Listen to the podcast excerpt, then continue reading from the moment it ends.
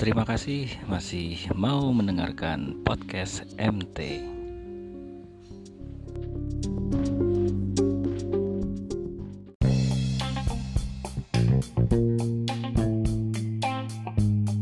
Yang jelas ya harapan saya memang saya berkarya, saya menulis lagu tentunya untuk anak-anak muda, generasi muda jangan sampai menghilangkan kultur yang ada, tetap mencintai budaya yang ada, dan jangan pernah malu untuk mengakui bahwa saya orang daerah. Yang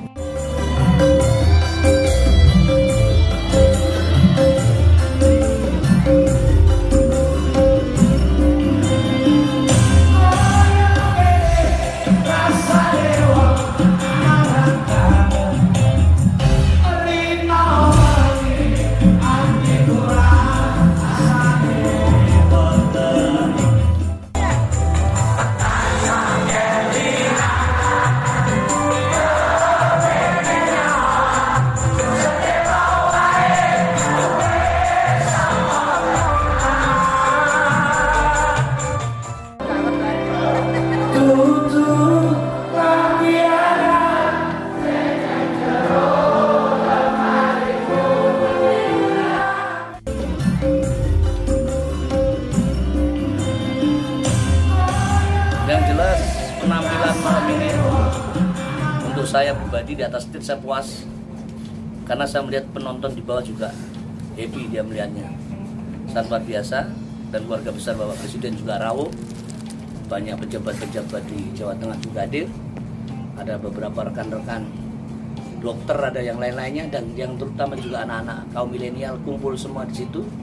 Ada yang berjilbab ada yang biasa dia berpakaian nyanyi happy ternyata budaya memang tidak bisa memisahkan betul-betul lengket dengan hatinya masing-masing Gini. ya Padahal itu lagunya saya dengarkan kan tadi eh, banyak yang sebenarnya sudah diciptakan ada yang 30 tahun yang puluhan lalu tahun yang lalu gitu. ada yang 30 tahun lalu Tapi ternyata sampai sekarang masih sangat diminati sama anak-anak muda. ya Itu ada momen apa Mas Didi yang tiba-tiba lagu itu muncul lagi gitu?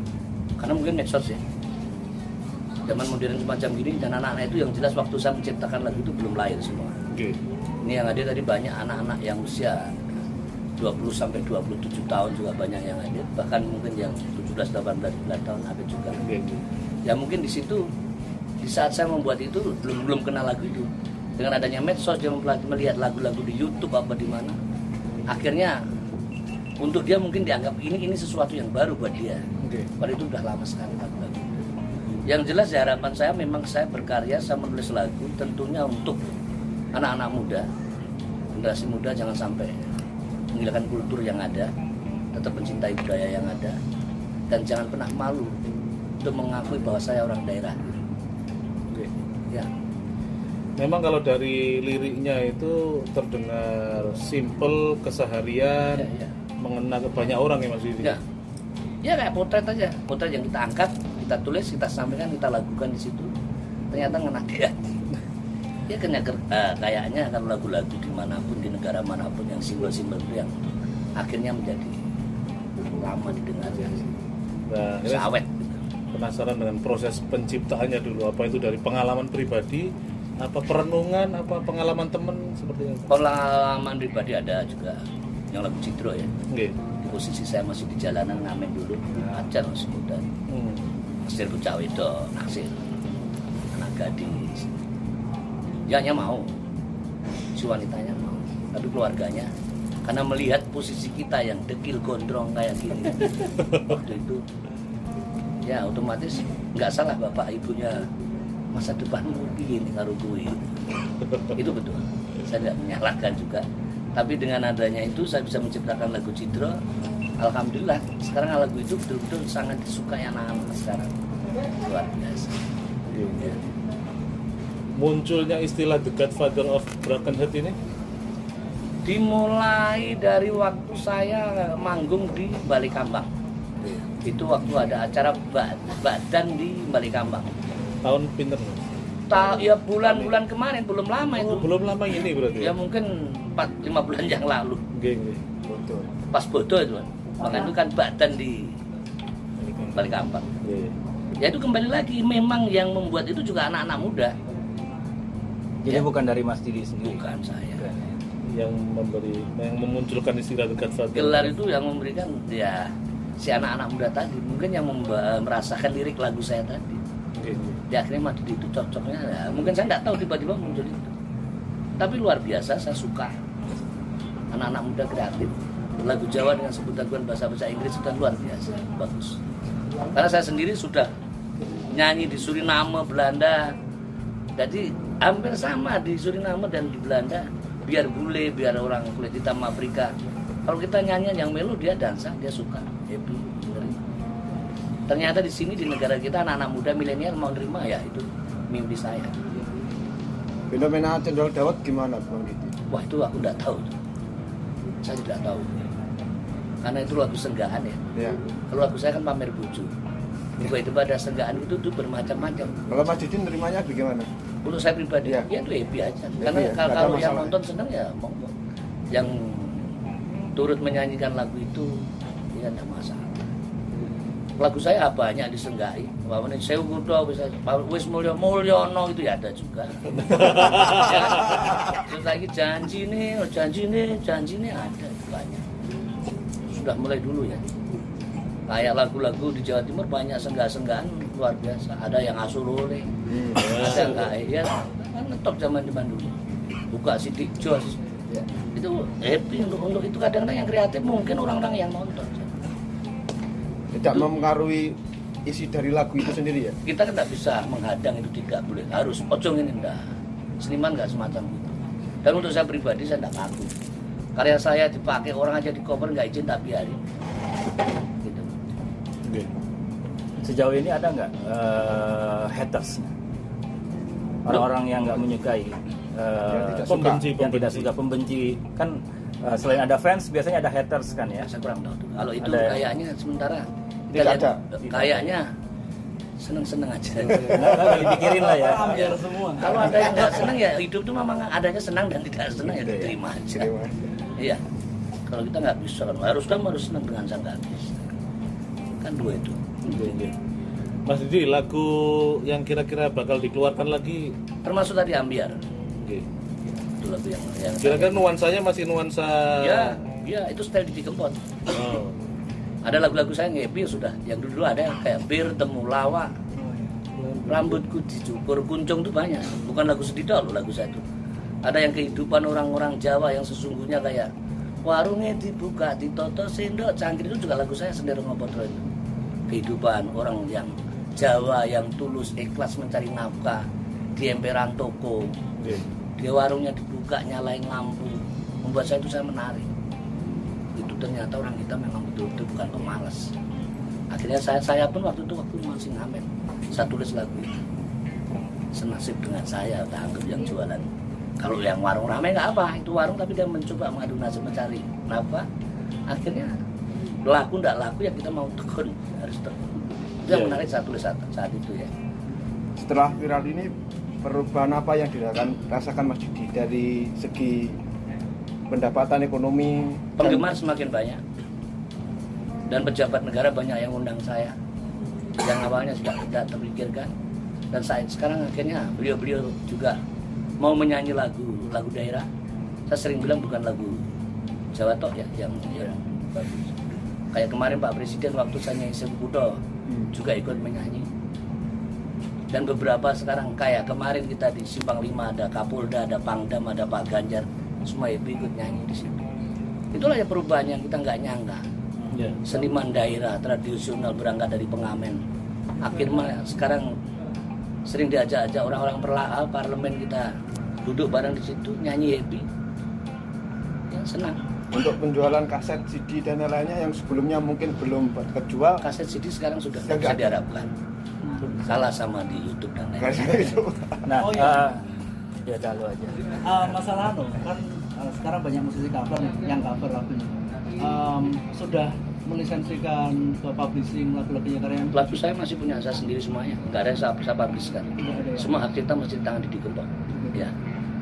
apa alasannya karena eh, Ya itu kan untuk era- saya membuat sesuatu, saya berkarya itu untuk anak istri saya, cucu saya nantinya. Jadi kalau saya publishkan nanti anak saya tidak nikmati, cucu saya tidak nikmati. Sudah dipegang orang. izin kan harus ke dia bukan ke anak turun saya nanti ya kita orang daerah ya gitu aja yang gampang-gampang itu Tidak Ya. masalah mas ya. Hah? Tidak masalah ya untuk saat ini. Oh, Dengan di cover orang segitu banyak. Ya, ya, ya. Sebetulnya itu ada aturan negara punya peraturan itu undang-undangnya ada. Kalau yang nekat mengcover tanpa izin ya monggo itu silahkan. Tapi paling tidak Anda menantang dengan hukum yang ada. Ya, Gitu loh. Mas. Nek saya pribadi tidak apa-apa, tidak masalah. tidak masalah. Pakai-pakai aja. Ya monggo silahkan. sepanjang karir Mas Didi sebagai seniman musik pernah mengalami frustasi atau putus asa nih karir anjlok Oh, atau itu enggak ya? Tidak. Jadi tahun 89 saya membuat album Cidro. Tahun 93 saya berang lagu Cidro saya rekaman di, di Musika Studio. Ada lagu Cidro dan lain-lainnya. Terus saya tahun 90 saya rekaman lagi Modal Denggul yang judulnya bungkus saja kamu datang modal denggul sama kumis itu. Oh, iya. akhirnya tahun 93 saya didatengin orang dari Eropa ke sini. Karena lagu saya yang ada di album Cidro itu cukup sukses di Suriname dan Belanda. Setelah itu saya mondar mandir Solo Belanda Suriname akhirnya ketemu lagi selagu stasiun balapan 98 lagu itu cukup booming. Dan itu menyambung saya menulis lagu Sewu Kudos Konyong Koder Kuncung dan lain-lainnya. Jadi saya setiap tahun tuh ada lagu lagu saya selalu muncul. Ah, itu yang membuat saya bahagia. Karena sakitnya frustasinya awalnya saya awalnya. mau jadi apa gini Nah, itu. tapi dengan keyakinan itu akhirnya saya membabi buta membuat lagu terus menerus berani Tuhan ngasih jalan. Terus saya rekaman ya. mulai 89 dan diterima sampai sekarang. Untuk lagu-lagu terakhir saya sekarang yang di kayak pamer bojo kayak suketeki banyulangit terus berjalan. Terima kasih. Dan dengan dengan karya saya itu paling tidak banyak origin tunggal di kampung-kampung saya turut bisa menafkahi. Iya. karena dia ngamen di orang kawinan di orang sunatan lagu itu lagu kan tidak diminta sama orang-orang yang mengundang bagi rezeki lewat karya. Ya. Total lagu yang sudah dinyanyikan sering saya bilang tuh, hampir 800 lagu. 800 ya. ya. Dari tahun 89 dari itu, 89 itu yang sudah direkam atau yang sudah direkam semua. sudah direkam semua Mas Didi? saya untuk album saya yang beredar di negara Suriname aja 18 album. Wow. dari beberapa produser di Indonesia semua hampir punya album saya. Mulai musika beli buat Atlanta. Iya.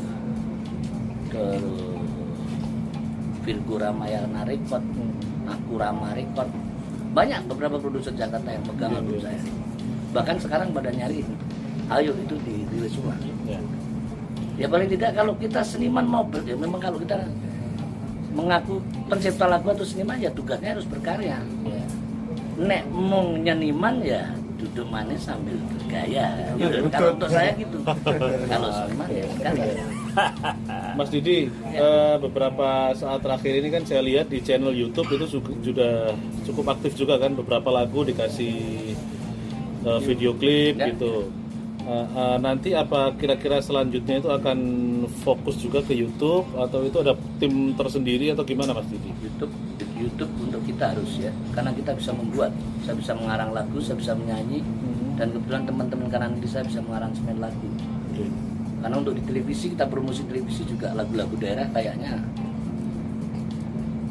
susah ya menembus Gini. jadi dengan adanya YouTube semacam itu buat seniman itu menguntungkan. Sangat menunggu ya. sangat menguntungkan sangat menguntungkan tinggal kita mau kreatif apa tidak Oke. kalau kita mau kreatif ada wadah itu di situ kita promo malah dapat duit teman-teman untuk semuanya yang tadi menyaksikan live streaming atau lewat apa saya tidak tahu ya lewat Twitter juga kalau nggak salah. Oke. saya terima kasih. Dan tentunya apa yang saya nyanyikan dari Solo sini mungkin para buat para para TKW atau TKI yang ada di luar negeri turut menyaksikan karena saya tahu anda luar biasa. Walaupun anda jauh dari rumah ninggalin anak istri atau pacar atau siapa pun kalau masih mau menikmati budaya-budaya yang ada di dalam negeri walaupun anda tinggal di luar negeri insya Allah anda akan tetap turut eh, melestarikan budaya ini pegang teguh itu Matur suwun Mas. Ya. Mas Didi, kalau sekarang kan dengan viralnya dengan anak-anak muda udah mulai eh, suka dan banyak yang hafal. Nah, harapan Mas Didi ke depan terkait dengan karir dan juga yang lainnya apa, Mas? Harapan saya tentunya anak muda jangan hanya senang melihat rame-rame aja. Hmm. Berarti harus turut jangan malu untuk menyanyikan lagu-lagu tradisional. Karena ya saya saya saya, saya bicara jujur aja. Saya dengan menyanyi lagu-lagu tradisional saya bisa jalan-jalan ke luar negeri loh. Di benua Amerika sudah, Eropa sudah, Asia sudah. Karena apa? Nyanyi lagu-lagu tradisional. Untuk anakmu anak-anak muda ini aja bocoran saya tadi. Apalagi anak sekarang pinter-pinter yang menguasai bahasa Inggris dan lain-lain. Sangat luar biasa lagu Jawa atau lagu-lagu tradisional apa pun yang ada di negara ini di luar negeri sangat disukai, diminati. Tinggal kembali ke kitanya. Malu apa tidak? Lu nek dilokin desa ada isi.